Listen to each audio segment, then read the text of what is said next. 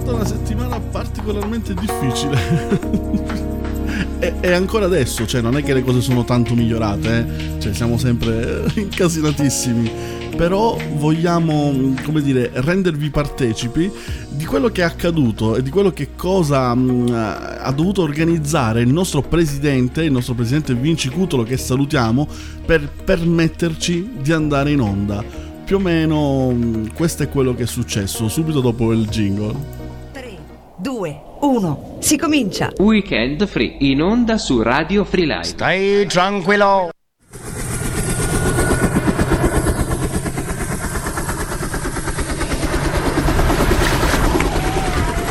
Carlo Mike, Carlo Mike, sei in ascolto? Mi ricevi? Sì, sì, ti ricevo. Sono poche miglia dal target. Sì, sì. Hai con te il pacco? Rispondi, hai con te il pacco? Sì, il pacco con me. Sì, ma adesso devo passare in brutalizzazione su sé. Ho il nemico, ho il nemico alle spalle.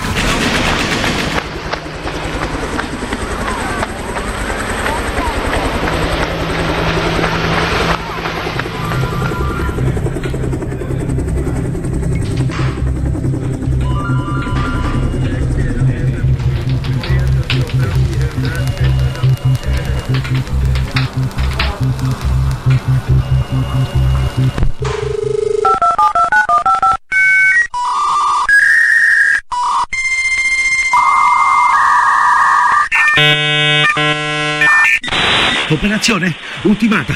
Sì, sì, collegato tutto. Siamo online. Ora il programma può partire. Ripeto, il programma può partire.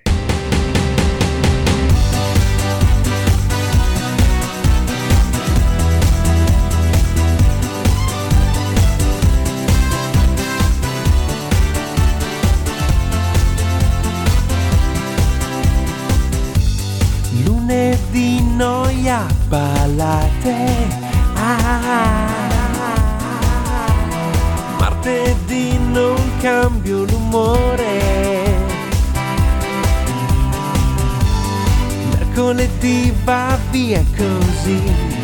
Giovedì entro in crisi. Venerdì che liberazione. Sabato in fibrillazione, sai la novità. Uh, ecco weekend free dalle 10 a mezzodì, siamo pronti per due ore. Solo su Radio Free dal telefono PC, con Tony torna al buon umore. Ecco weekend free dalle 10 a mezzodì, siamo pronti per due ore. Solo su Radio Free dal telefono PC Con Tony torna al buon umore No, vabbè, ma, cioè, voglio dire, ma rendetevene conto, l'esercito è dovuto intervenire per permettermi di andare in onda questa settimana. Cioè, perché settimana scorsa è successo di tutto, qualsiasi, qualsiasi cosa, anche quello che non poteva mai accadere è, è accaduto. Cioè, mh, giovedì sera praticamente e si rompe il PC. Così, mentre stavamo lì per eh, registrare mh, l'ennesima scenetta, insomma, con la Davidina, con il nostro Gaetano che saluto, che ringrazio, e, mh, eravamo lì, boom, eh, puzza di bruciato, ho visto delle fiamme avvolgere, no, non sono fiamme no, però così praticamente il PC è andato morto, stecchito così all'istante, non ha, ha dato più segni mm, di vita. Ho detto e adesso? e adesso cosa faccio? Niente, il giorno dopo sono riuscito a trovare un altro PC da spedire in Canada, ovviamente, e, e, poi niente, poi da lì riparte tutto da zero, praticamente devi reinstallare tutto, eh, la regia, devi tutti i jingle, la sigla, eh, hai perso tutto, non hai più nulla. E quindi riparti da zero, ci lavori, ci lavori, ci lavori, vai, ok, è tutto pronto, ce l'abbiamo fatta, incredibile, a tempo record, siamo lì per andare in onda e non va il collegamento, no, no, non si collegava e vi voglio anche svelare il motivo per cui non si collegava. E, e, e qui proprio c'è da, da, vabbè, da, dire, eravamo in tre su questa cosa, ma nessuno ha pensato a questo piccolissimo dettaglio, però fondamentale. Praticamente per andare in onda eh, io devo inserire dei codici all'interno del nostro programma di regia, no? perché la nostra regia centrale, sapete, è da una parte, io sono un po' più spostato, quindi mh, per inserirmi nella regia centrale ho bisogno di inserire dei codici. Ok, mh, i codici ovviamente poi hanno una password, benissimo, mi hanno mandato questa password via WhatsApp e quando ehm, una- uno scrive su WhatsApp, la prima lettera che tu scrivi su WhatsApp è sempre maiuscola, ma in realtà la password la prevedeva minuscola. Quindi io sono impazzito, siamo impazziti in tre lì a cercare di capire perché non si collegasse e alla fine era perché avevamo messo una lettera maiuscola anziché minuscola, solo ed esclusivamente per quello. e ci siamo arrivati, grazie a Dario, che, che- che saluto, che ringrazio, che è stata una mezza giornata con me a cercare di mm, aiutarmi, supportarmi in tutte, in tutte le maniere, in, tutte- in tutti i modi. mm, e, e soltanto però poi alla fine, quando per l'ennesima volta ho reinserito appunto i dati, ho detto eh, K, K grande, e lui no, piccola. Come piccola? No, io l'ho sempre messa grande, me l'avete mandata così. E insomma, abbiamo scoperto che per colpa di una K, la settimana scorsa, non siamo andati in onda. eh. E vabbè, e vabbè, così, pazienza, pazienza. E questa settimana non è, da, non è da meno, cioè voglio dire, anche questa settimana diciamo che a livello di eh, tecnico eh, tutto bene, tutto a posto, tutto bello, tutto preciso, ehm, eh, ma mh, essendo stata una settimana davvero molto molto particolare non ho potuto preparare nulla praticamente, quindi cioè, siamo all'ultima puntata, sarà l'ultima puntata dell'anno, mh, anche la puntata più sgangherata in assoluto. Cioè, io di solito ho una bella scaletta già bella pronta, già tutto inserito nel programma di regia. Io non ho inserito niente, praticamente nulla.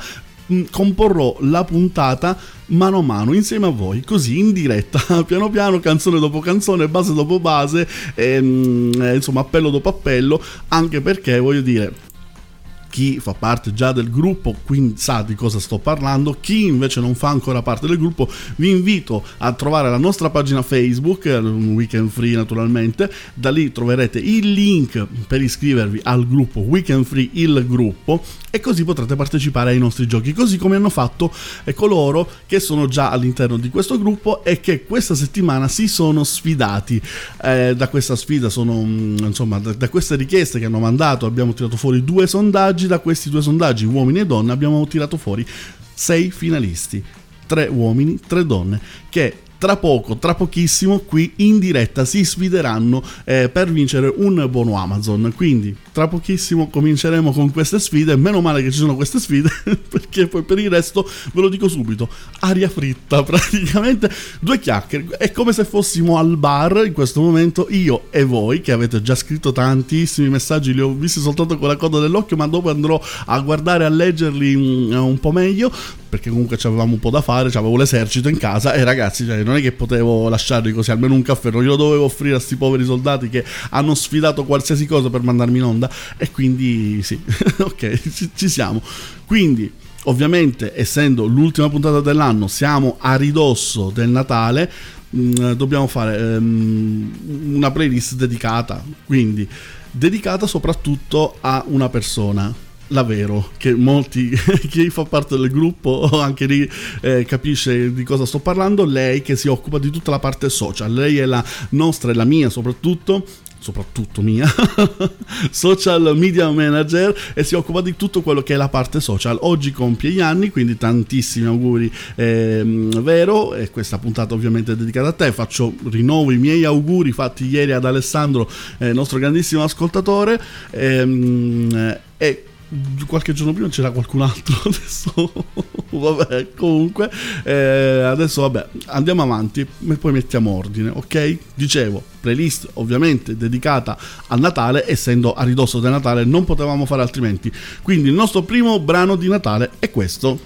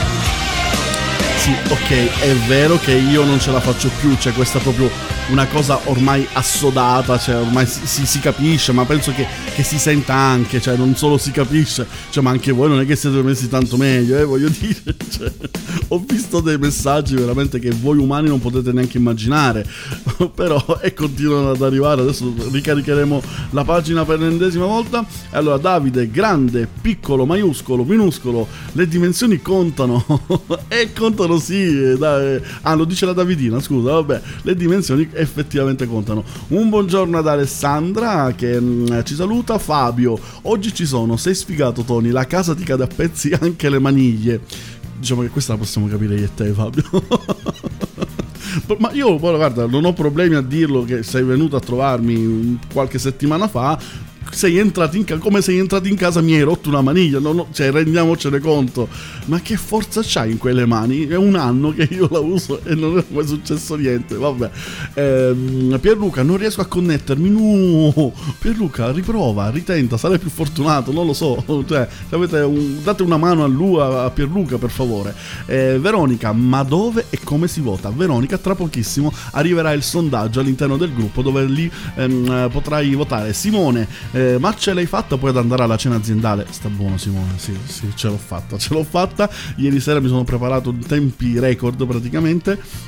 E di, cos'è? 18.50 ero a casa, 19.40 ero un'altra volta fuori praticamente, cioè una roba sempre di corsa, sempre di corsa.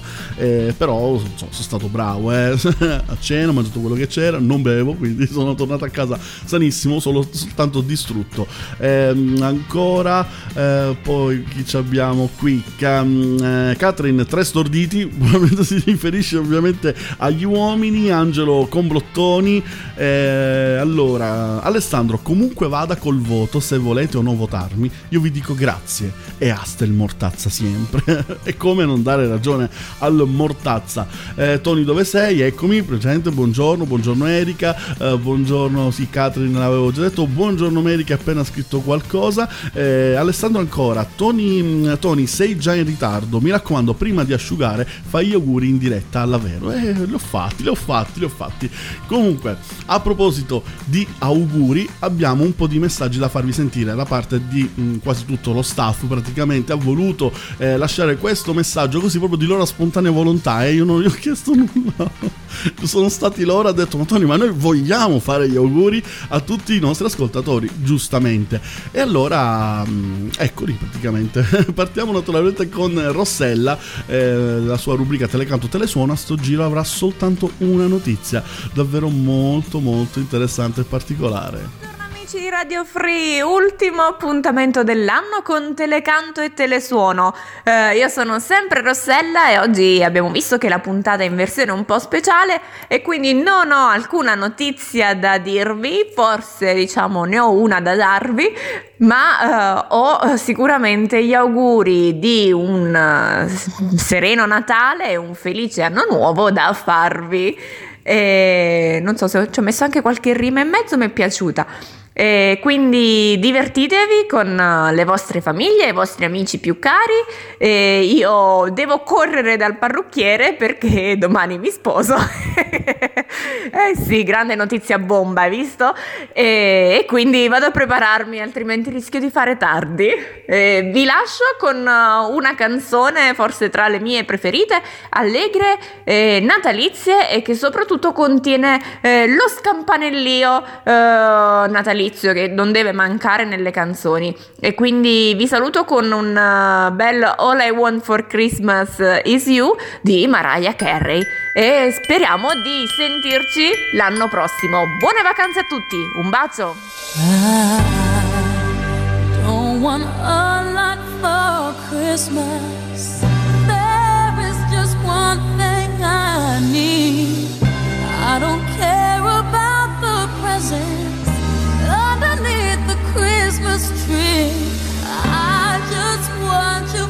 my own, more than you could ever know. Make my wish come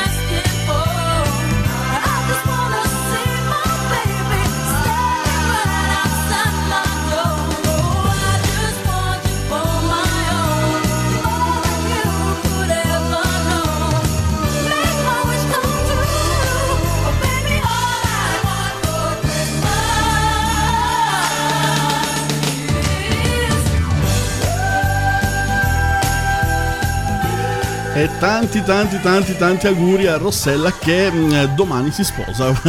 Scelto un giorno davvero molto particolare, il 22 dicembre, però eh, va bene così. Noi siamo felicissimi per te Rossella, tantissime congratulazioni, insomma, eh, veramente vi auguriamo il meglio e tutti gli ascoltatori naturalmente stanno facendo lo stesso all'interno della nostra pagina. Buongiorno, buongiorno a tutti. Non l'ho detto in apertura, io sono Tony, questa è Weekend Free, ultima puntata mh, di, di quest'anno, quindi siamo un po', come dire, un po' scassati, si può dire. Perché cioè, voi nel frattempo voi non, voi non sapete, voi non vedete, cioè durante le canzoni io vado ad, mm, come dire, a incrementare, ad aggiornare, a, come dire, a, mm, ad aggiungere i pezzi, le canzoni che poi mi serviranno nel proseguio della puntata. Quindi eh, di solito queste canzoni vengono inserite, mm, ci sono del- delle cose da fare, insomma, modificare un po' nomi, inserire le intro, sapete, insomma, i secondi che scorrono un po' al contrario per capire un po' l'intro della canzone, così. Niente, non, non sto facendo niente, io le, le butto su praticamente e, e via. E quello che viene, viene. Eh, Ve l'ho già detto in apertura, oggi sarà una giornata mm, un po', un po' così. Eh, Francesco che scriveva stamattina. Allora, primo posto Anna, secondo i tre vincitori praticamente Anna, Lara e Francesco. Io sono il vincitore della categoria uomini, ma se, se ci credi tu, cioè, secondo me te la sei tirata. Alessandro, eh, sento aria di tempesta, Lara, perché tra un po' partirà anche questa sfida. Ehm, Tony, prima di mandare i vocali di Anna, ascoltali. Va bene, ci starò attento. Grazie. Un saluto e un ringraziamento davvero di cuore a Rasta DJ che ci sta ascoltando e che ha scritto mi sono perso il mio intro, perché l'intro che avete sentito dei soldati è, è tutta opera sua. perché lui è, lui è più folle di me, perché io sono folle che ho delle idee strampalate, poi le propongo a lui e lui le realizza. Eh, Ha un archivio incredibile di, di- di suoni, di effetti, di, di- robe. Vabbè, 30 anni e passa forse di, mm, di archivio. Ehm, prima di asciugarci, devi mettere la, la mia canzone. Sappilo, Francesco, stai calmo, eh. Stai calmo.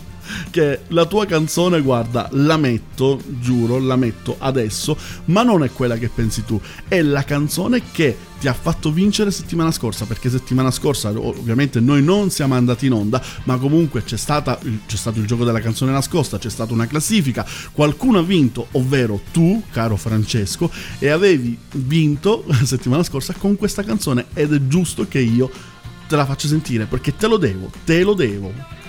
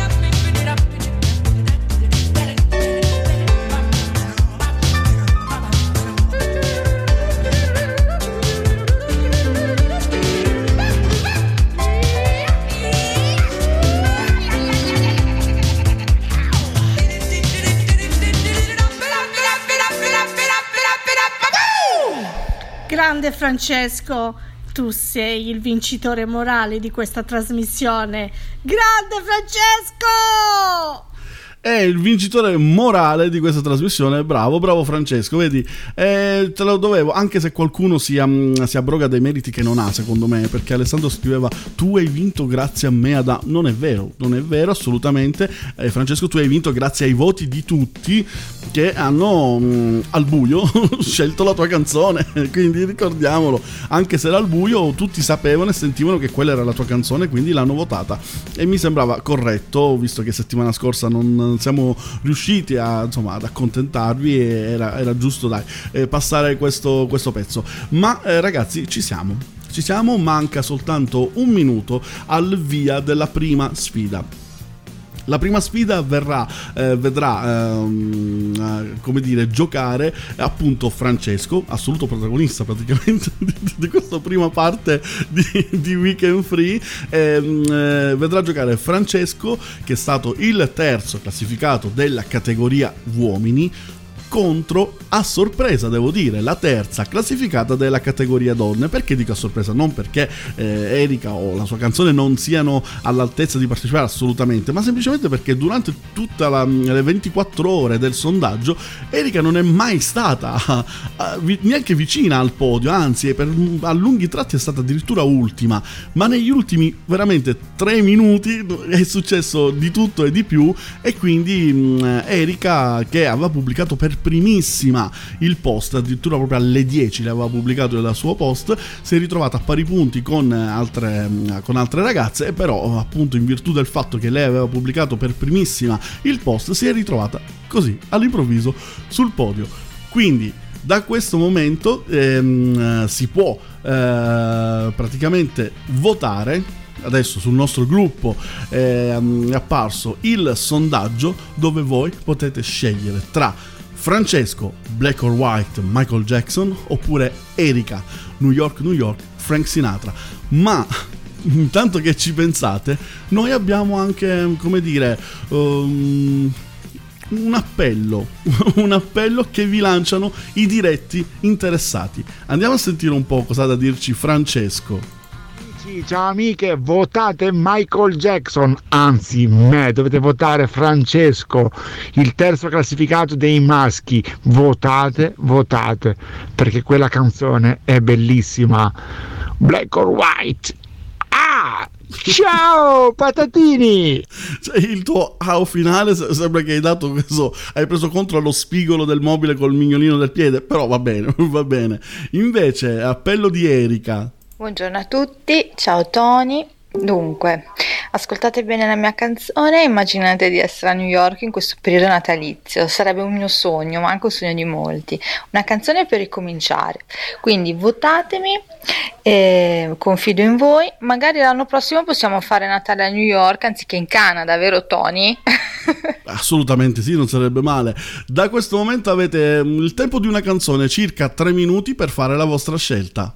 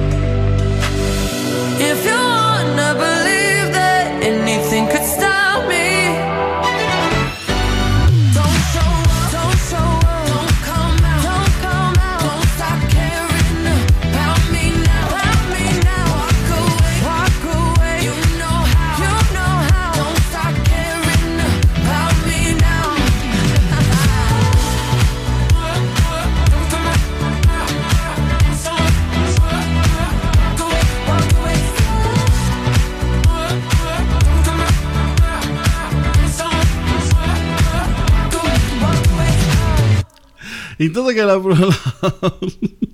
No, io rido perché poi leggo un po' i vostri, i vostri commenti. Va, vedo, mh, va avanti la, la votazione, ma praticamente abbiamo già finito perché comunque era- il, il tempo era quello, molto stretto.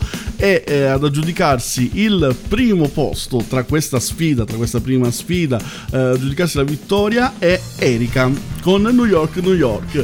Quindi Erika non solo tra pochissimo andremo a sentire Frank Sinatra con New York, New York, ma vince anche un buono Amazon dal valore di 10 euro. Mi dispiace per Francesco, nonostante poi insomma Francesco ci sia stato anche Franco tipo Erika mi dispiace ma voto Francesco. Ehm, Daniele invece mi correggeva, Tony scusa se ti correggo ma si dice si arroga, non si abroga, abroga, abroga, sì. Eh, infatti volevo dire arroga, forse ho detto abroga ma volevo dire, sì mi so con- può essere, può essere. Oggi è una giornata davvero, credimi, molto difficile. ma guarda, fidati. Comunque, dicevo, il sondaggio mh, finisce qui. Erika, ti aggiudichi il, il, mm, buono Amazon. E naturalmente, oltre al buono Amazon, ci andiamo a sentire e a gustare la voce di Frank Sinatra con che. Piano piano, come dire, come detto tu, ci trasporta a New York in questo Natale a New York. Grande Erika. Start spreading the news. I'm leaving today. I want to be a part of it. New York, New York.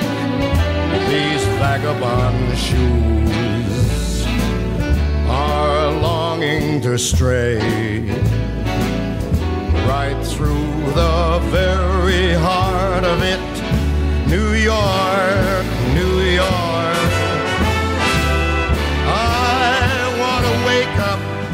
In a city that doesn't sleep and find I'm king of the hill, top of the heap. These little town blues are melting away. I'll make a brand new start of it in old If I can make it there,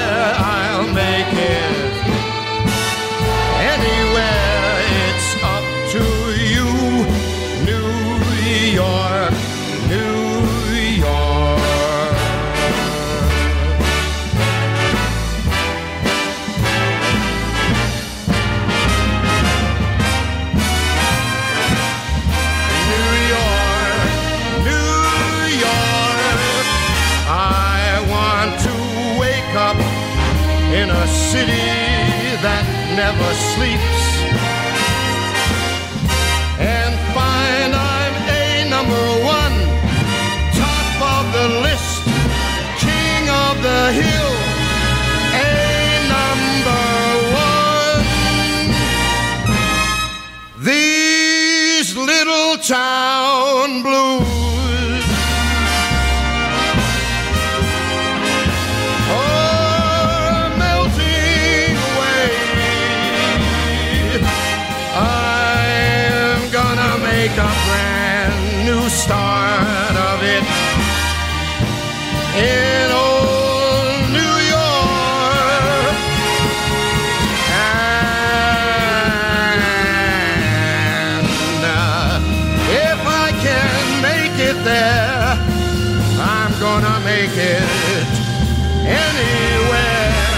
It's up to you, New York, New York,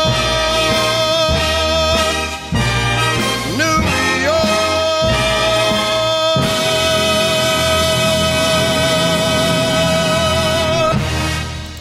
Tony, Sono tempo per votare Francesco, già bello e perso. ha già belle perso. e mi dispiace. E vedi Francesco, i, tuoi fan, i tuoi, come dire, i tuoi followers, quelli che volevano votare te erano distratti in quel momento. Purtroppo è qui, sai, la velocità è tutto, conta davvero tantissimo perché si hanno davvero pochi minuti per votare, per fare la propria scelta e quindi niente, mi dispiace Francesco, ma guarda, sei arrivato dietro, eh, 6 voti per Erika, 5 voti per te, quindi bastava che arrivasse Giacomo per pareggiare i conti. Io lo dico perché non l'ho spiegato in precedenza, quindi è giusto e corretto dirlo prima. In caso di parità, io deciderò di prolungare ancora di qualche minuto la votazione, quindi anziché chiuderla a fine canzone, come ho fatto adesso con Erika e Francesco, perché comunque c'era un vincitore, in caso di parità, in quel caso, avrei prolungato ancora di qualche minuto. Il primo voto che arrivava per l'uno o per l'altra avrebbe decretato la vittoria in quel, come dire, in quei tempi supplementari. Ecco, come era una volta il Golden Goal. non so se vi ricordate, noi in Italia insomma ci abbiamo perso anche un mondiale, un, un europeo, scusate, con il Golden Goal. Praticamente si andava ai supplementari, la prima squadra che faceva gol vinceva.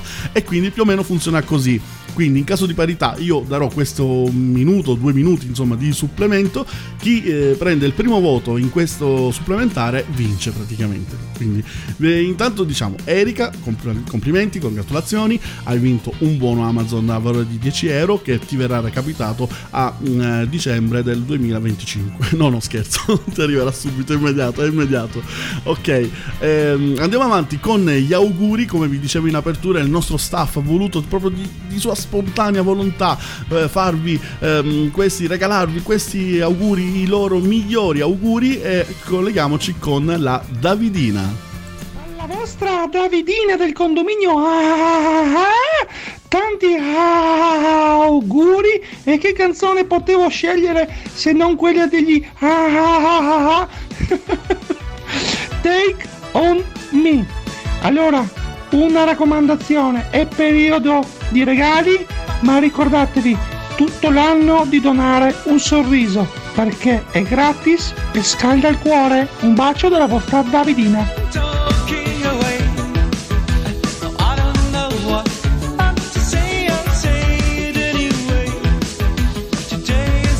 Is another day to find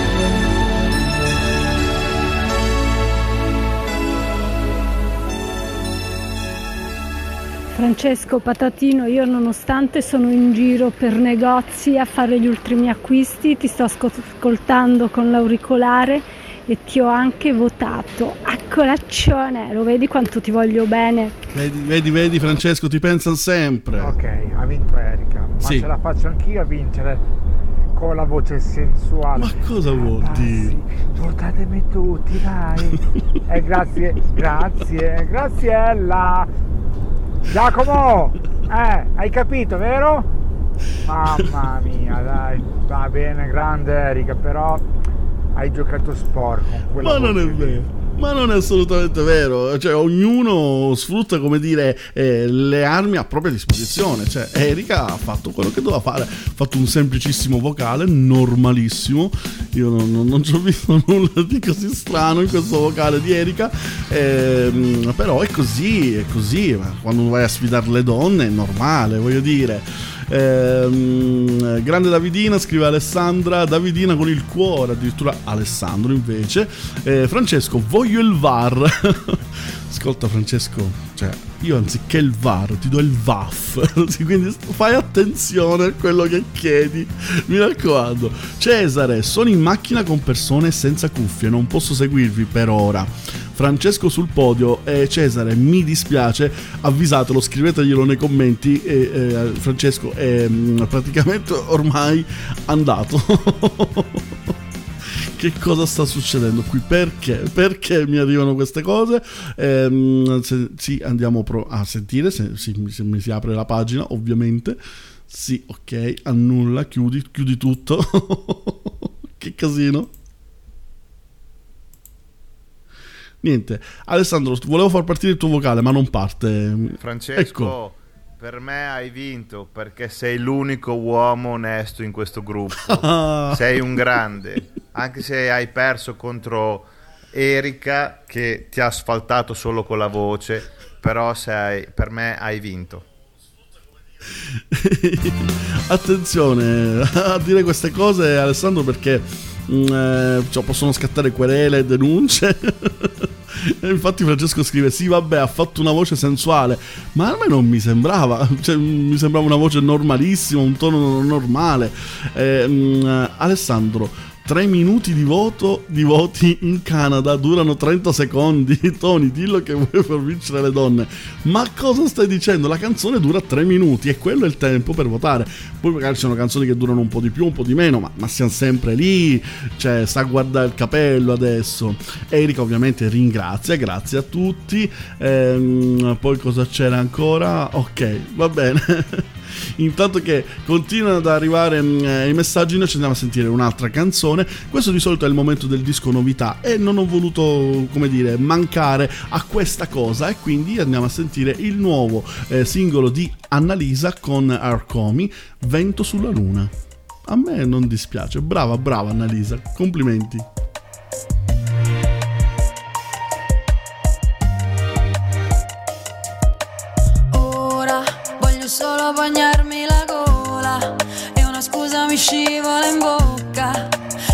Sembra correre via come un taxi in un giorno di pioggia. Allora, anche se non c'è risposta e la notte ci ha messo alla porta, pensiamoci come due ombre che ballano in mezzo alla folla. Posso sbagliare ma, posso sbagliare ma, ma adesso lasciami fare che voglio lasciarmi andare. Non posso cambiare ma, non posso cambiare ma, al buio non si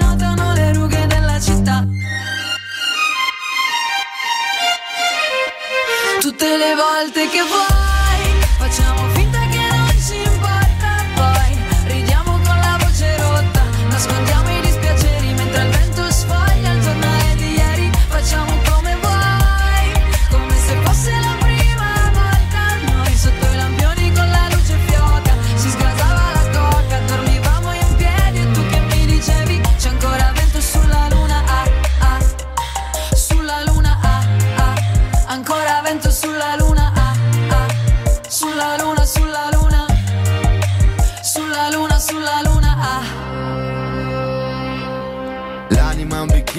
svuotarlo, riempirlo. Passo dall'essere artista a un umano dietro le quinte.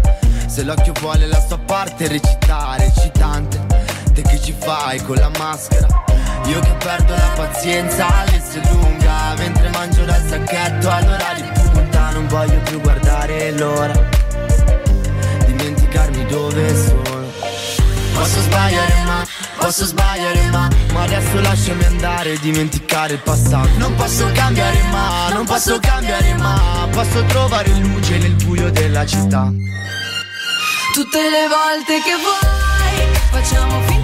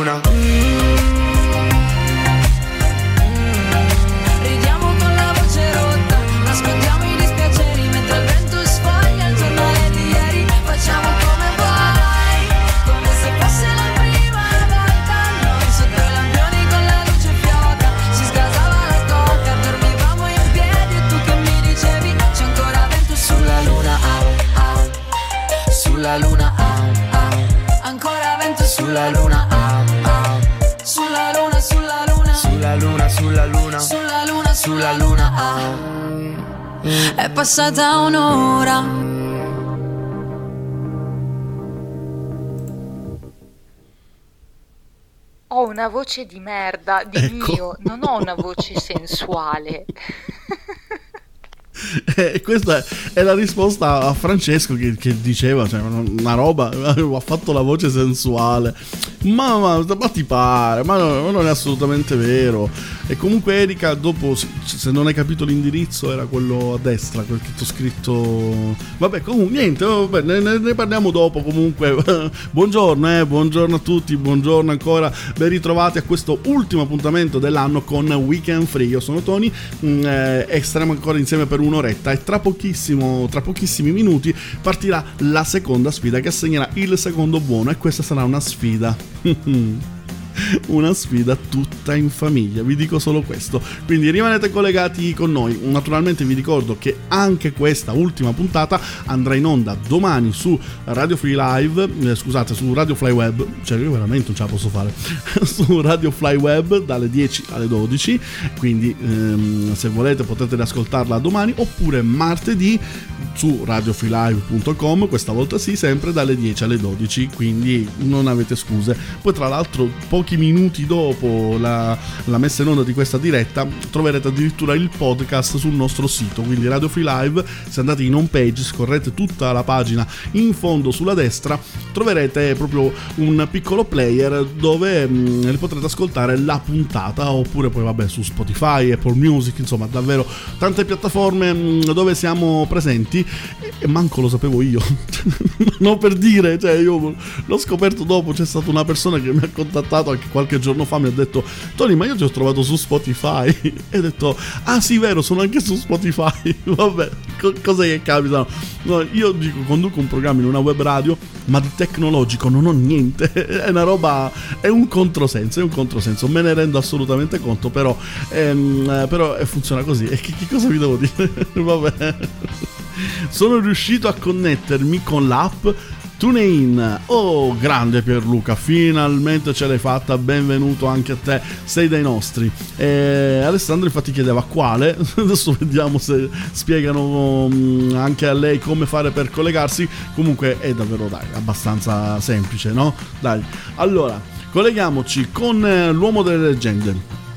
Perché vi dico questo? Perché nonostante eh, le rubriche avete visto, insomma, sono state un po', come dire, eh, sono state un po' modificate visto l'occasione, qui abbiamo deciso di mandarvi comunque una leggenda che doveva andare in onda la prima puntata, eh, ma non è, non è andata in onda perché anche la prima puntata saltò all'epoca.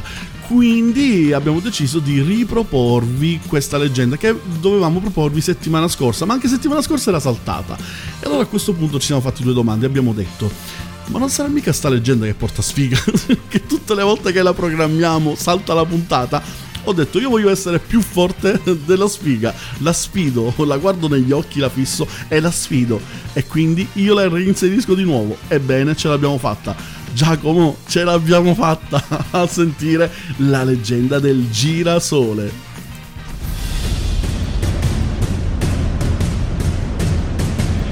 La storia diventa mito ed il mito diventa leggenda. Giacomo Ghidoni, io sono leggenda. No, no, io non sono una leggenda, io racconto le leggende. Ah, ok. Le leggende secondo Giacomo Ghidoni. Tutti conosciamo il girasole, ma nessuno conosce la leggenda che racconta la nascita del fiore più bello del mondo. Dovete sapere che molti anni fa c'era una ninfa di nome Clizia che era completamente innamorata del dio del sole Apollo. Se lo osservava lassù nel cielo quel moraccione coi capelli al vento che andava con questa carrozza in su e giù per il cielo a trasportare questa palla di fuoco. Quando poi un giorno Apollo si rese conto di Clizia e disse Bada bella lei e l'andò a baccagliare fino a che scoppiò l'amore più intenso. Ma Apollo un giorno disse basta, mi, mi hai stufato. E la lasciò lì, la lasciò, la lasciò all'improvviso così da un giorno all'altro e Clizia da quel giorno non se n'è fatta una ragione. Col cuore spezzato stette lì in un campo per nove giorni così a, a piangersi addosso e a guardare Apollo lassù bello nel cielo. Alla fine del nono giorno Clizia si trasformò in un fiore. Quel fiore che da quel giorno osserverà il dio Apollo nel cielo dalla mattina alla sera. Quel fiore sarà il girasole. Ora io Clizia sei diventata bellissima, veramente un fiore stupendo. Ma io fossi stato in te, gli avrei fatto apposta, sarei uscito col dio del vento. Altro che sta qui nove giorni in un campo a aspettare lui. To? Ciao a tutti ragazzi, vi auguro veramente delle bellissime feste, buon Natale, buon 2020. Vi mando un abbraccio enorme, grazie per essere stati con noi, grazie per aver ascoltato con passione le mie leggende, vi auguro veramente il meglio. Io, se volete, posso darvi un consiglio. Nel 2020, negli ingredienti della vostra vita, aggiungete un po' di positività. penso positivo perché son vivo, perché son vivo. Io penso positivo perché son vivo e finché son vivo. Niente nessuno al mondo potrà fermarmi da ragionare. Niente nessuno al mondo potrà fermare, fermare, fermare, fermare questo ma che va. Questo ma che viene che va. Questo ma che va. Questo ma che viene che va. Io penso positivo ma non vuol dire che non ci vedo. Io penso positivo in quanto credo. Non credo nelle divise sacri che più di una volta furono pronti a benedir massacri. Non credo ai fraterni abbracci che si confondono con le catene. Io credo soltanto che tra il male e il bene è più forte il bene. Ah, Bene, bene, bene, bene. Ah, ah. Io penso positivo perché son vivo, perché son vivo. Io penso positivo perché son vivo e finché son vivo. Niente nessuno al mondo potrà fermarmi da ragionare.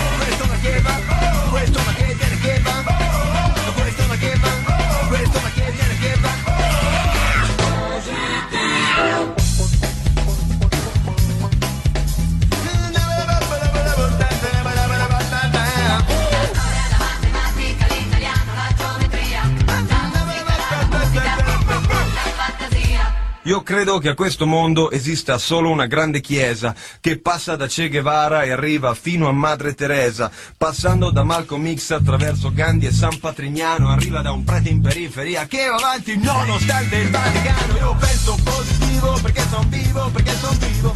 Io penso positivo perché sono vivo. Grandissimo pezzo di Giovanotti, grande, grande, grande, grande, grande, grande Giacomo soprattutto che mm, eh, l'ha scelto, insomma ci ha fatto i suoi auguri, ma sono arrivati un po' di vocali tipo, tipo...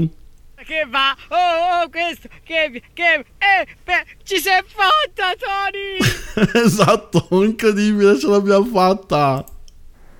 Dai Tony, togliti il camperos dalla bocca che stamattina ti sento un po' lappato, eh.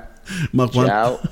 quanto hai ragione Pierluca, ma, ma- ma tanto, tanto ragione. Infatti l'ho premesso subito in apertura che questa sarebbe stata la puntata più scassata dell'anno perché è scassato il conduttore e quella è la realtà. Chi è che cantava? Annalisa? Sì? Bella merda. Ecco, la critica musicale di Anna ovviamente non poteva mancare anche in questa ultima puntata, anche se si è, come dire, più buoni per Natale e lei le, le critiche sono quelle. allora, ai più non sarà sfuggito che è partito il secondo sondaggio, parte la sfida tra mm, eh, Alessandro e Lara, e, ehm, ma anche loro hanno fatto il loro appello, quindi andiamo a sentire l'appello di Alessandro. Eccomi qua. Per farvi ascoltare questa perla. Sì. Più che una canzone è un viaggio. Sì, sì, un viaggio. Lo stesso viaggio che dovete fare voi per votarmi. Giusto. Chiudete gli occhi, sentitevi Johnny e Baby. Ok. Buon viaggio amici. Votatemi. E questo era l'appello di Alessandro. Vabbè, lui ha il suo ritmo, il suo modo. Andiamo a sentire un po' invece cosa da dirci Lara. Caro Babbo Natale, che cosa vorrei in dono? Ovviamente battere, o meglio, asfaltare Mister, un russo e un gomblotto sono per sempre. Questo è quello che vorrei. E con spirito natalizio, gioioso e molto simpatico, ricordarglielo per tutta la prossima settimana. Ragazzi, ho bisogno di voi, aiutatemi. Questo è il pezzo che ho scelto, vi faccio tanti tanti auguri di buon Natale e vi abbraccio tutti. Ciao! E anche qui avete ancora pochi minuti per fare la vostra scelta, naturalmente. Potete scegliere di votare mm, Alessandro con eh, la canzone Dirt Dancing, il ballo finale Time of My Life, oppure Lara che ha scelto We Have All the Time in the World. Fate la vostra scelta, ancora pochi minuti. Does it make you dance when you jump with your friends at a party? What's your favorite song? Does it make you smile? Do you think of me? When you close your eyes, tell me what are you dreaming? Everything I wanna know it all. Mm, I'd spend 10,000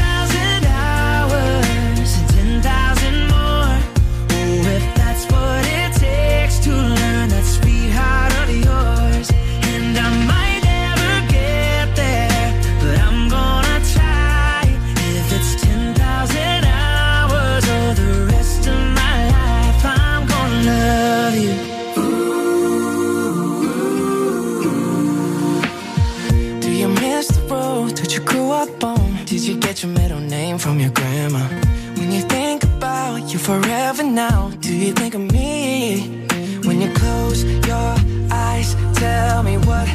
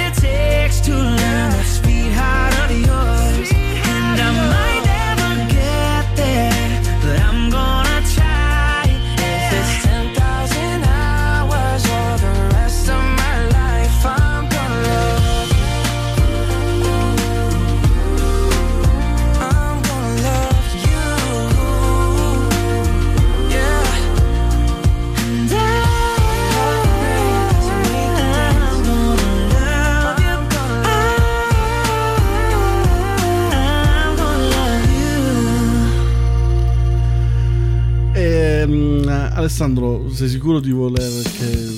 cioè, vuoi che... no, se, se tu vuoi che io passi, lo passo, lo dico.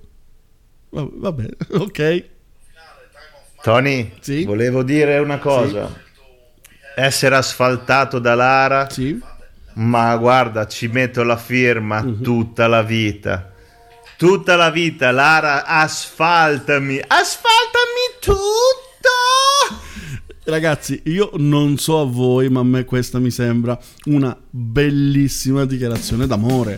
Anzi, anzi, io ci vedo anche una proposta di qualcos'altro, ma vabbè, io azzardo, è azzardo. Comunque ti volevo comunicare che per tua somma gioia ehm, Lara ti ha asfaltato. Effettivamente Lara ti ha asfaltato. Quindi Lara vince, ti ha proprio distrutto, non, non esisti più. Eh, complimenti Lara, tu sei la seconda vincitrice per ehm, quanto riguarda il nostro gioco, quindi ti aggiudichi anche tu un buono Amazon e oltre al buono Amazon noi ci andiamo anche a sentire la tua canzone, la tua meravigliosa canzone, davvero stupenda, fantastica. E grazie Lara per aver partecipato, grazie per averlo asfaltato, così lui è anche contento, ma siamo contenti anche noi per ascoltare questo grandissimo capolavoro.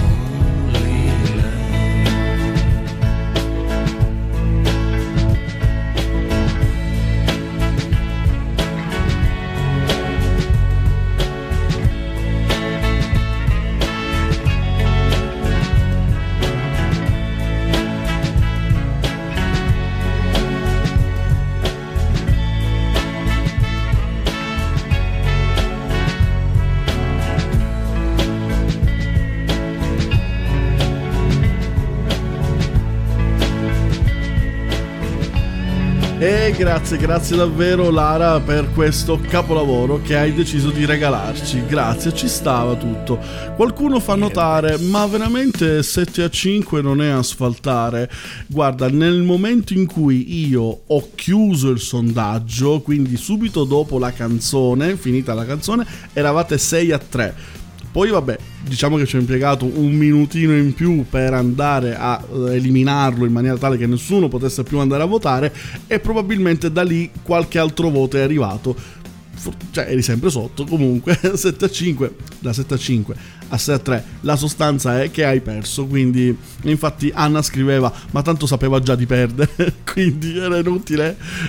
vabbè, poi, ehm, poi ho visto un altro un messaggio bellissimo, Eh, vabbè Giacomo sei una leggenda, Eh, Lara asfaltami tutto, sì dai, Alessandro, Ehm, Mary vai Lara mitica asfaltalo Dale, Eh, Daniela Anna hai pienamente ragione in generale, ma ancora più su Annalisa, ma non è vero, è molto brava invece. Simone, ma stai recitando Alessandro? Baby, ma dove? non so, chiedilo ad Alessandro, ma non ti risponde, quindi non lo so.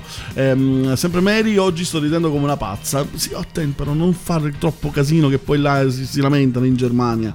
Ehm, Anna, se bisogna scassare, ci sono io, ma nel senso proprio a manate in faccia, cioè, o scassare qualcosa, cioè, no, specifica Anna perché non si capisce eh, così. Mentre qui diceva Franco. Peccato, Fra. Dovevamo fare 5 euro ciascuno. allora, che co- cosa c'è? Co- cosa c'è? Cosa c'è ancora? Sentiamo. Tony, Sì? no, no. Sì. in un minuto sai quanti voti ho preso? Eh. 6 a 3, 7 a 5. Eh. Sallo. Eh, ho capito, Quindi la perso. sostanza è che 7 a 5 non è asfaltare. Aspetta Anna e Simone, vedi com'è asfaltare. Ah, perché, perché tu dici che tra i due ci sarà qualcuno che asfalterà l'altro. E vabbè, tra 15 minuti circa, eh, forse qualcosina in più, mm, eh, ci saremo, ci saremo anche con loro e vedremo un po' chi asfalterà chi o chi asfalterà cosa, non lo so. Intanto però ci colleghiamo con l'unica rubrica rimasta intatta, tale quale perché lui è uno staccanovista della radio. Parlo di Rasta DJ e lui è l'uomo veramente dei record per quanto mi riguarda perché riesce già ad inizio stagione a programmarmi già tutte le rubriche che mi servono. Tu sei un mito Rasta. Questo è il tuo ti ricordi quando? Attention, please. If dancing is not your thing, please step aside. The next DJ act will take you to another level of happiness. Ti ricordi quando? Ladies and gentlemen, may I have your attention, please? Ti ricordi quando? Plus, the official uplink from this location. Live. Live. What you are about to witness is real. This is not a dream, but a new beginning. Stand by for uplink. Ti ricordi quando? Thank you. Commencing the official countdown in three, two, one. Ti ricordi quando? Welcome, benvenuti Ti ricordi quando la rubrica che condotta da Rasta DJ mi sono incantato subito all'interno di Weekend Free Radio Free Live perché pensavo alle cazzate che stava dicendo poco fa il nostro Tony Luparello nella sua puntata e mi viene da sorridere ogni tanto perché non le dico solo io, è una cosa importante. Cosa facciamo in- all'interno di Ti ricordi quando? Per chi non ci ha mai ascoltato facciamo ascoltare una canzone originale e una versione particolare curata da qualche DJ che non ha niente da fare. Oggi veramente abbiamo andati a scalfire un qualcosa di incredibile. Scelto una canzone degli ACDC intitolata TNT del 1975. Infatti TNT è un noto brano della band rock australiana degli ACDC. Quarto singolo della band e secondo dall'LP che lo contiene intitolato ugualmente TNT. Il brano annoverato tra i più noti della band e uno dei più suonati dagli ACDC in concerto. Poi nel 2016 un certo tizio di nome DJ Payman, che sembra quasi un pagamento bancario, DJ Payman è un DJ persiano che vive a Los Angeles e che organizza matrimoni, Eh, capite, già già detto tutto, e che per caso ha creato questo remix che lo ha fatto notare nel 2016, che poi non è riuscito a dare seguito al suo grande successo, proprio una botta di fortuna come si suol dire. Fortunato, buon per lui. Benissimo, adesso ascoltiamo ACDC TNT in originale e poi la versione di Payman, quella del 2016, perché questo, questo è ti ricordi quando? Come dimostrare a sconvolgere un grande successo.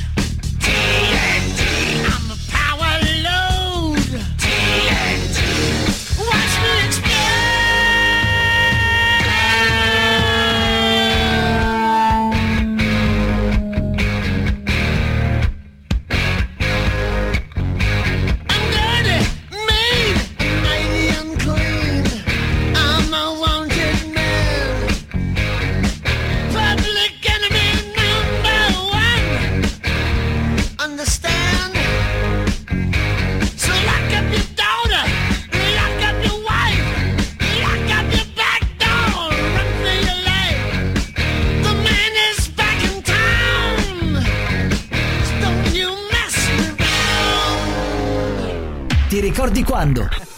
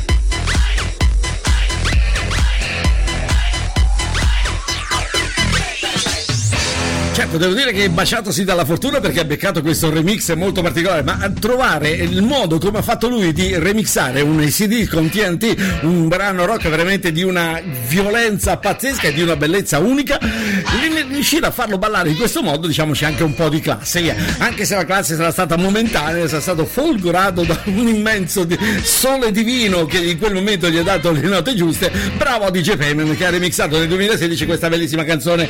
Ti ricordi quando di oggi è arrivata alla fine? Quindi io saluto tutti quanti, saluto e ringrazio sempre Tony Luparello che è sempre il mio amico e mi chiede sempre un sacco di cose, basta che non mi chiede soldi, ma rimarrà sempre mio amico. Vi esorto a continuare ad ascoltare Weekend Free su Radio Free Live e mi raccomando, non mancate mai gli appuntamenti della nostra rubrica Ti ricordi quando? Perché così capirete che non tutti i DJ sono fortunati, ma ce ne sono alcuni che sono veramente bravi, specialmente nel reimpastare le canzoni degli altri. E come faccio sempre, uso quella frase magica che vi lascia e vi dà l'appuntamento alla prossima settimana. Alla prossima fois! Lo sai che giorno è oggi? Sì. Che giorno è? Sabato. In che senso? Stop, stop, stop. Grazie a tutti, eh. Fine ripresa. Fermatevi! Fermatevi! Fermatevi, è Giove che ve lo dice! E ringraziamo naturalmente Rasta DJ per questa sua preziosissima collaborazione, credetemi davvero davvero molto molto preziosa. E grazie naturalmente, tantissimi auguri anche a te, anzi a te famiglia. Cioè, la, la te famiglia tra un po' sarà un must, quindi manca davvero pochissimo al Natale, quindi preparatevi a, sentirvi, a sentirvelo dire in continuazione. A te famiglia! Mm, eh, volevo leggere un po' di messaggi che eh, sono arrivati intanto eh, una canzone, una richiesta e, mm, e- e tra un attimo vi, vi spiegherò una cosa che mi è venuta in mente adesso praticamente. Allora, Simone, questa Lara ha un gran gusto nonostante tutto e sti cazzi, che sensual di canzone. Così proprio detta un po' alla leggera. Ehm, eh, Francesco con la sua previsione praticamente non ci ha preso, va bene, questo l'avevamo già letto. Ehm, eh, Lorella, beh non c'è il secondo sondaggio, Lorella, ma se tu sei presente, tu ti avevo detto ieri una cosa, sei ancora lì presente? Perché avrei anche una sorpresa per te. Ehm, Alessandro, questi tre minuti per votare sono strani, chiedo la VAR, ma... Allora Alessandro, che dobbiamo fare? Notaio, cronometro, sono tre minuti circa, il vostro sondaggio è partito, che c'era ancora? La canzone di mm, Giacomo, perché vi augurava il buon Natale, ed è partito il vostro sondaggio, quindi io ho fermato la canzone, ho fatto sentire dei vocali, sono entrato in diretta, ho parlato, ho mm, fatto sentire i vostri appelli, ho mandato una canzone, quindi altro che tre minuti, ah, almeno sei sono diventati i minuti, così come ho fatto uguale con ehm, Francesco e Erika quando è partito il sondaggio, io poi ci ho parlato sopra, ho fatto sentire i loro appelli ehm, e tante altre cose. Eh, Simone, anch'io voglio essere asfaltato, ma, ma io asfaltato davvero, poverino, non lo so, ognuno ha i suoi gusti. Simone, cosa vuoi che ti dica? Fai quello che vuoi. Allora, mh, eh, dicevo, siccome mh, come vi spiegavo, eh, settimana scorsa il PC è si è fulminato proprio, saltato tutto. E naturalmente all'interno di quel PC cosa c'era? Tutta la mh, musica, tutto l'archivio musicale in mio possesso. Quindi questa settimana sto provando un attimino a ricostruirlo. Il problema è che eh, non, eh, non ce l'ho fatta fisicamente proprio a, a star lì dietro a, a tutte le canzoni. Morale della favola. eh, Signori, io ho ancora tipo due canzoni, forse tre, sì, due, più vabbè, quelle ovviamente del sondaggio, poi io le ho finite. Di conseguenza dobbiamo arrivare a mezzogiorno, probabilmente qui mi verrete in aiuto tutti voi che state ascoltando. Se avete delle richieste e qualcuno le ha già fatte, quindi già quella ce l'ho pronta, fatele. E così in maniera che mm, arriviamo a mezzogiorno con le canzoni che voi avete scelto. Prima però finiamo il sondaggio che eh, tra pochissimo vedrà sfidarsi i due vincitori dei, mm, eh, delle due categorie. Quindi Simone da una parte, Anna dall'altra. Tra pochissimo, secondo me questa sfida ci darà delle soddisfazioni. Vado a sensazione, così ho un certo sentore di una rivalità molto accesa, che non era così, però eh, lo è diventata ieri sera improvvisamente. Per una volta che potevo stare a letto per davvero Mi suona il cellulare, guardo l'ora 8.00 Metto il piede a terra, sento il gelo Rispondo pattinando dove il gatto ha vomitato il pelo. Già penso al peggio ma è una call centerista Che mi blatera qualcosa su un'offerta, una tariffa. Dice che conviene, ne conviene. Io penso che se questo era il buongiorno cominciamo super bene. La radio parla ed io non sento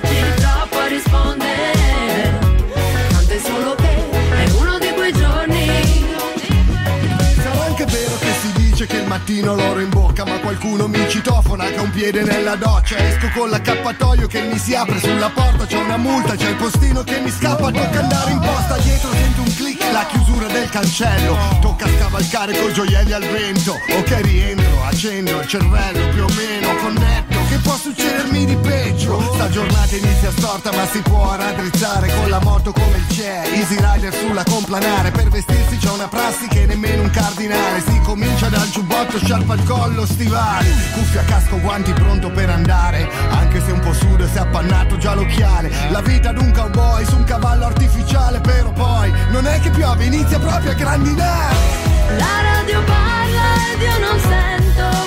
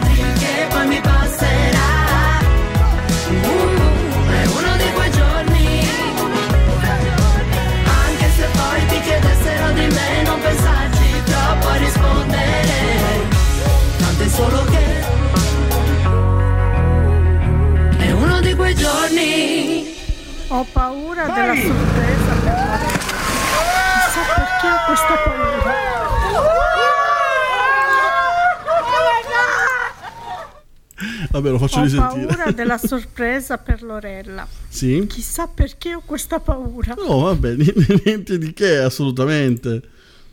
Ciao Bontoni. Ciao. Ascolta, non so se riuscirò ad ascoltare oggi. Eh, lo so. L'ho già detto. Sì. Eh, ma farò di tutto per eh, votare le donne. Ecco, quindi Anna, Eh, niente, capisci? volevo soltanto eh, ringraziarti per la pazienza, perché insomma le mie richieste musicali non sono sempre state fantastiche, anzi quasi mai. Ehm, volevo augurarti buone vacanze, saranno Grazie. super speciali, lo Certo. so. Eh, ti abbraccio forte e un abbraccio anche alla mia mora appena la vedrai. Dai che manca poco. E io, vista la tua coerenza, perché tutto l'anno hai puntato su una canzone che hai fatto tua, ovvero anche il titolo gli hai cambiato, rinominandola L'Ortolano, eccola qui, per te. Fai come l'ortolano, fai come l'ortolano, fai come l'ortolano, lano, lano. Quando ti vedo vado fuori di testa e sbrago. Prima ti bacio e poi ti spiego il perché. Oh mamma mamma sciarona Oh mamma mamma madonna. Oh mamma ma tocco con mano come Maradona. Tu sei una fuori classe Nel ballo sulle casse Fai l'onda con la schiena Catalizzi la scena La luna ci abbandona E il sole ci incorona Il mattino ti dona Mostra quanto sei buona. Mettimi questi meloni in mano, fai come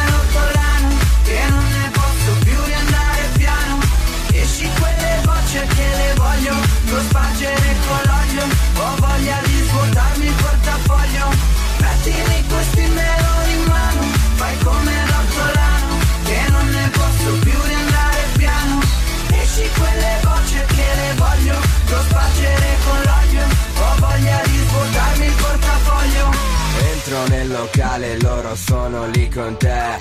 Mi guardano con gli occhi di. Eh Lorella, Lorella, questo era per te, l'ortolano.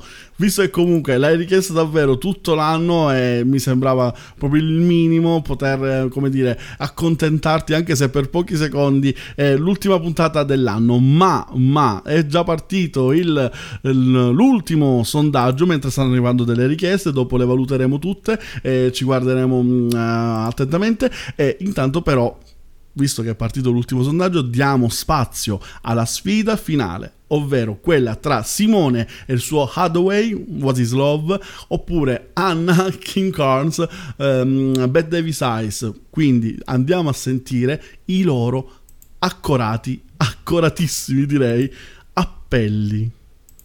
Ehi, stai parlando con me? Ehi, dico a te, stai parlando con me? Ehi, ehi, tu, dico a te, calabrese, stai parlando con me?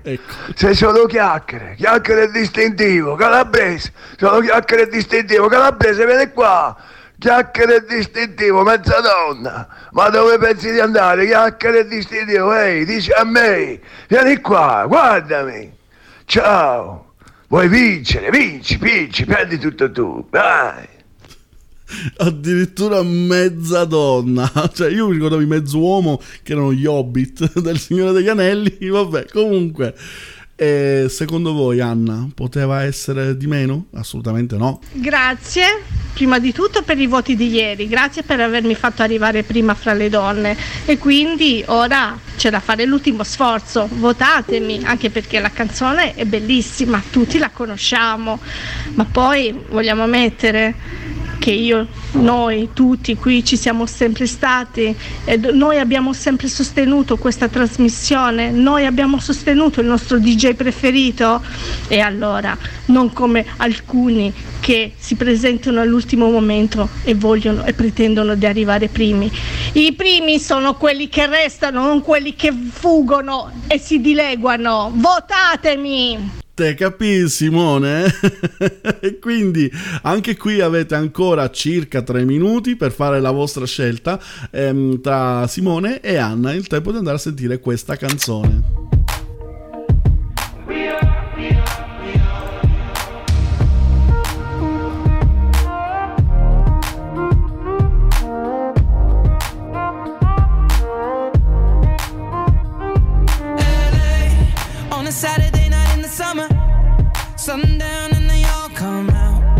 Lamborghinis and they rented hummus. The party's on, so they're heading downtown. Everybody's looking for a come up, and they wanna know what you're about. Me in the middle with the one I love it. We're just trying to figure everything out. We don't fit in well, cause we are just ourselves.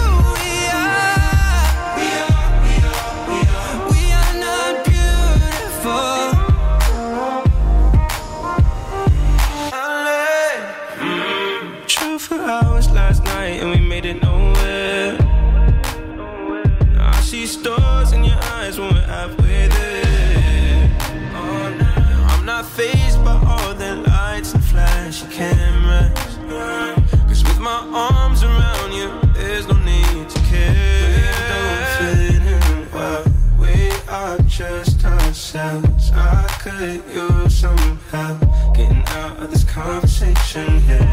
You look stunning, please. Don't ask that question here. This is my only fear that we become beautiful people. Top designer clothes, front row fashion shows.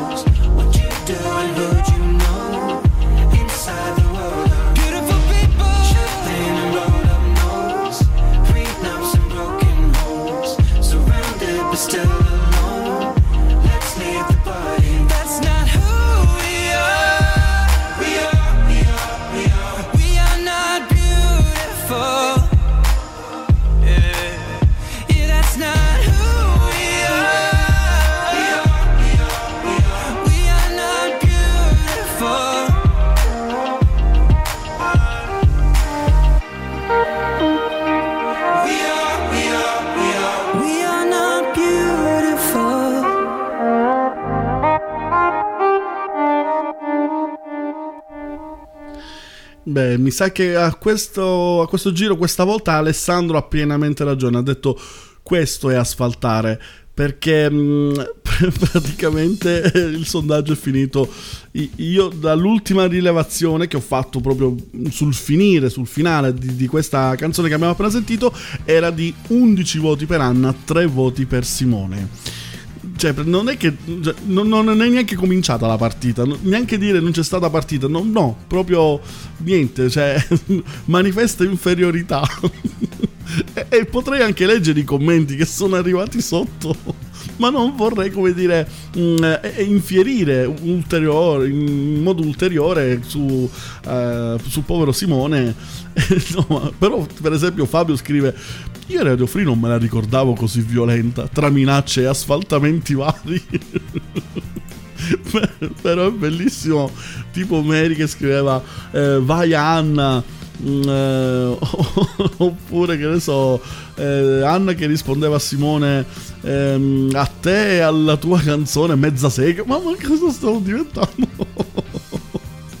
una roba veramente violentissima e io sono qua che rido come un cretino ma sono arrivati anche dei messaggi vocali per esempio da parte di Francesco Anna ha ragione. Sì. Tu per un anno non ti sei fatto vedere Ecco. e adesso pretendi di vincere. eh, Mezzo uomo, Ecco. mezza donna chi? Oh, stai calmino con le donne perché vengo lì ti spacco. Oh. 11 centimetri, tu Oh. sai cos'è, No. vero? Ciao sì, e sa- buon Natale. un coltello cos- cos- cos'è? buon Natale pure alla fine buon Natale violento però mamma mia che violenza davvero Allora, mm, eh, sì, Anna che aveva pubblicato prima per Lorella. Mettimi questi meloni in mano, fai come l'ortolano. Lorella, sei la numero uno, sappi che io ti adoro. Ecco, questo per quanto riguarda l'ortolano. Questo mi fa un po' più paura. Modestamente ho vinto io, ha vinto la migliore. Non c'era gara, si sapeva che avrei, avrei vinto io. Simo, stai dietro, tu asfaltato. 11 a 3. E quindi che facciamo? Ce l'andiamo, ce l'andiamo a sentire questa canzone di Anna? Eh sì, dai, ce l'andiamocela a sentire. Anna, ti arriverà un buono Amazon da 10 euro. Sei contenta?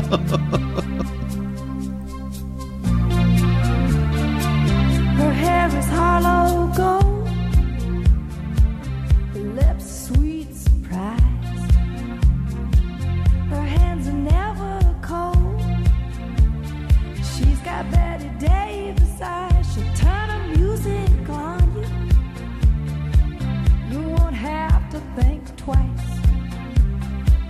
She's pure as New York snow. She got Betty Davis eyes.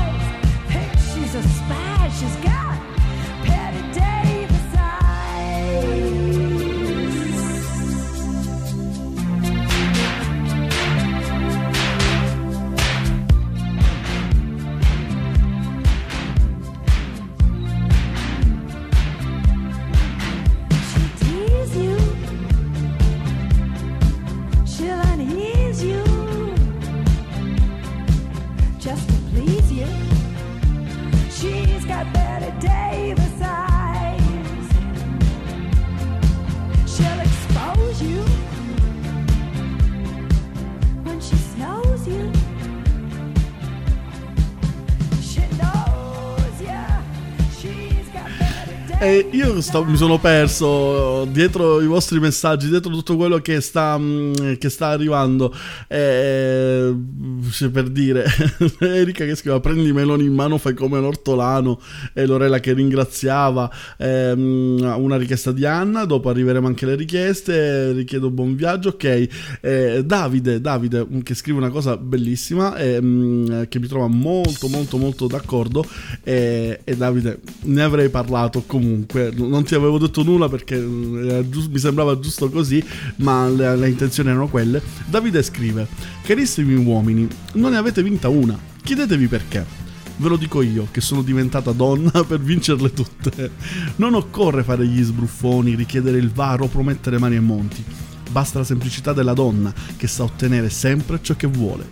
Siete a nostra disposizione. E anzi, regalate alle vostre donne il libro Spogliamoci, si ricomincia, con- contattando direttamente Davide con un messaggio privato. Non aspettate. Amazon, grazie. Ehm, ne volevo parlare, dicevo appunto in chiusura, mm, mi dai il là, lo spunto per farlo direttamente adesso. Il nostro Davide Destradi ha scritto un libro appunto che si intitola Spogliamoci, si ricomincia. Ehm, eh, quindi naturalmente mm, invito tutti gli amici di Weekend Free, di Radio Free in generale ad acquistare questo libro e a contattarlo direttamente. Il libro verrà presentato ufficialmente a gennaio, quindi questa è un'anteprima che ci sta regalando il nostro Davide e ti ringraziamo davvero di cuore. Ragazzi, poi alla fine non è che si tratta di far arricchire Davide, eh, perché non è che diventa ricco scrivendo il libro, ma mm, eh, lui vuole portare un messaggio e quindi ehm, visto che ci ha regalato lui gratis tanti sorrisi proviamo a regalarcene a regalargliene uno noi a lui. Quindi grazie davvero Davide. Allora sono arrivato un po' di, di vocali che io non ho preascoltato ed è un po' un rischio però voglio andare a sentire un attimo. Comunque Tony, Sì? io dopo l'ortolano di Lorella ti propongo per il 2020 prima puntata dedicata al trash, alle canzoni più trash che ci sono, diamo libero sfogo alla nostra fantasia e alla nostra cultura musicale trash. beh potrebbe essere una gran bella idea Tony, lo Sì? so io cosa ci compra Anna con quei 10 euro di Amazon. Ascolta. Malandrina sporca. Ma, ma- ma cosa dici? Ma, ma che ne sai te? Ma che ne sai te? Ma cosa ne vuoi sapere te? Non ho capito. Allora, Francesco scriveva eh, Anna 92 minuti di applausi citando un famosissimo film Ehm, eh, Pierluca appunto sto morendo con l'ortolano eh, Angelo che chiedeva addirittura ha vinto Simone no non ha vinto Simone Ehm, eh, Simone invece davvero uomo sportivo qual è? perché lui è un uomo sportivo scrive complimenti alla vincitrice meritatissima asfaltata. Grande canzone io ho vinto ancora. Cioè praticamente lui si tiene comunque vincitore. Eh, Mary viva le donne. E vabbè messaggi tutti più o meno di questa, su questa falsariga abbiamo ancora 15 minuti a nostra disposizione e come vi ho già anticipato ho pensato di regalarvi completamente di regalarveli a voi completamente con le vostre scelte e le vostre canzoni. La prima in assoluto in ordine di tempo che mh, è, è arrivata scusateci poi dovrò farle partire da, da youtube quindi vabbè tutta una roba mia così a un mom eh, quindi la prima che è arrivata eh, via whatsapp è questa quindi andiamo a sentire eh, Clyro Biffy eh, Re- Rearrange più o meno così più o meno sì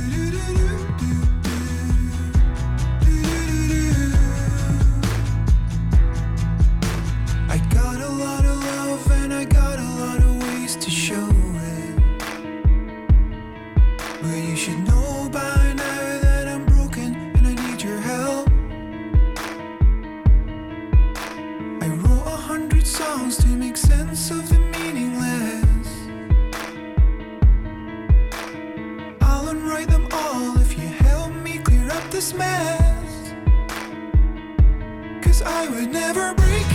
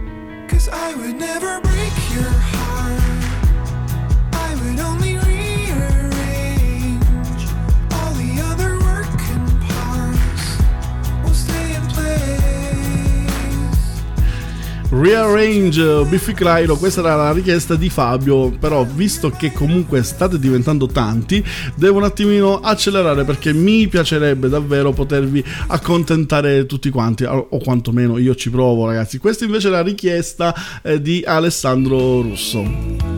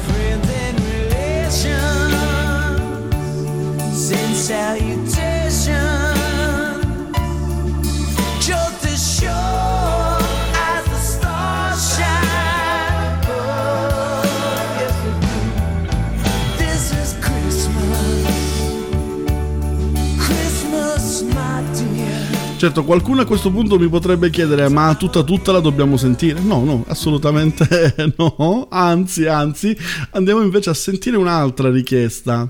Tony, Sì? io vorrei ascoltare Blue Christmas del mitico King Elvis e augurarla a tutti voi, a tutti gli esauriti, i weekend free, tutti quelli del dopolavoro e niente, grazie per la compagnia e, e le risate. Buon, buon Natale, buone feste a tutti. Pierluca, ciao. Christmas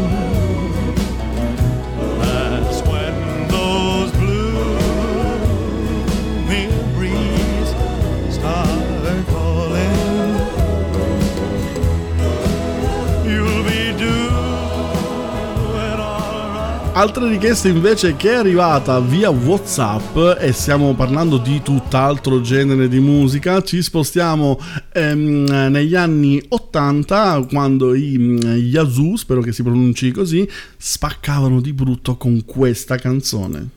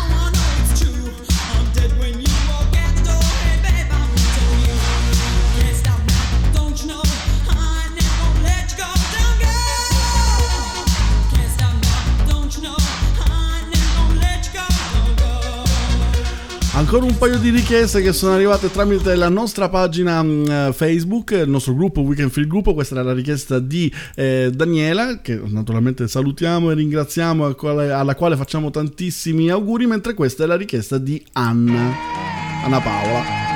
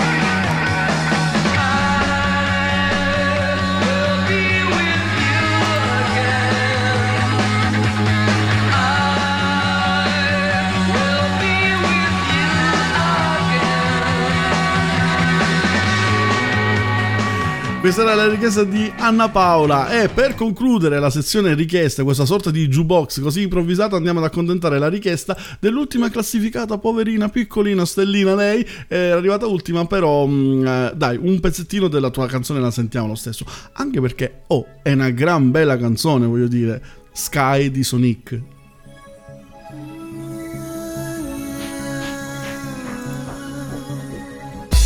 Look at me.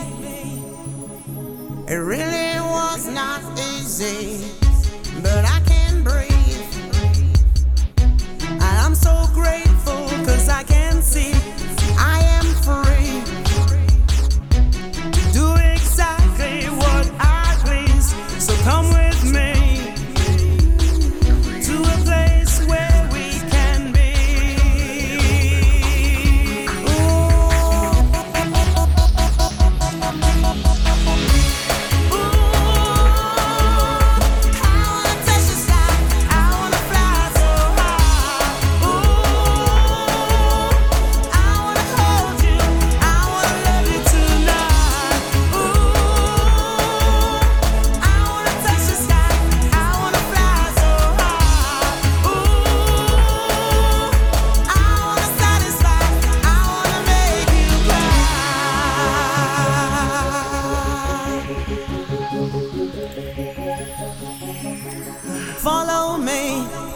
questa era la richiesta di, mm, eh, di Alessandra che l'aveva messa in gioco, lei ci aveva creduto, ci aveva sperato e invece no, è arrivata ultima nella classifica della- nel sondaggio della categoria donne, però dai, un pezzettino piccolino, dai, ce l'abbiamo fatta comunque a fartela sentire e io sono davvero contento per questa cosa perché comunque ehm, sei una delle ultime arrivate a livello di, di ascolto, però ti sei affezionata subito, quindi grazie naturalmente, grazie eh, di esserci. Mm, era arrivato anche un vocale, se non vado errato, vediamo più tra i meandri, eccolo qui di Francesco. Ciao ragazzi, volevo augurarvi a tutti voi di Free tanti auguri di buon Natale, buone feste, e passate nei modi migliori. Volevo ringraziare Tony, Lavero, perché ci regalate sorrisi queste due ore del sabato. E niente, un bacione grande a tutti. E questi erano gli auguri di, ehm, eh, di- di- di Francesco, grazie, grazie anche a te, auguri Francesco anche a te.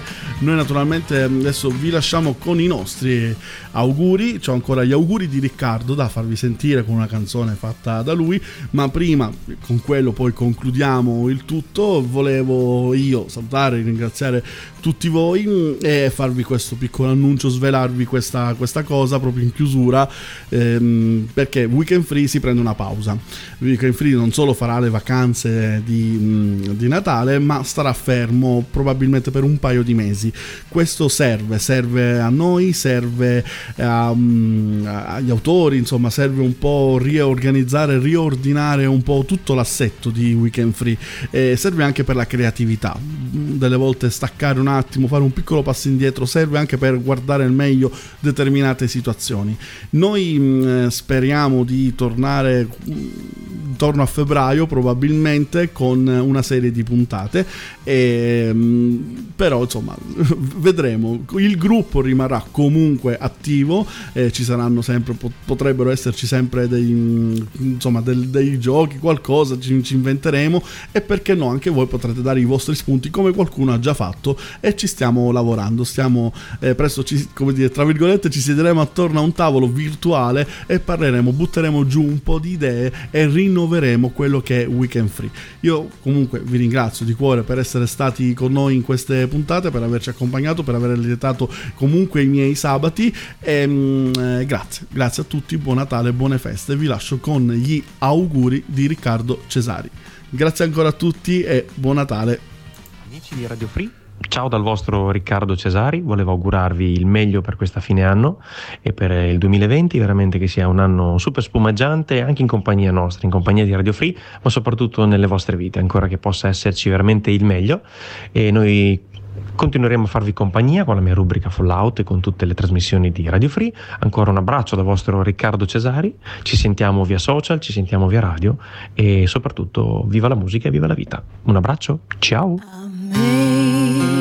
Amazing grace, how sweet the sound that saved a wretch like me.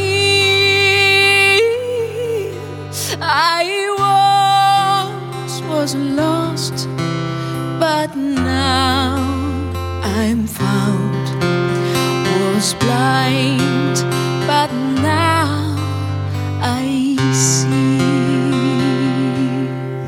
chains are gone, I'll be set free. My God, my Savior has ransomed me, and like a flood,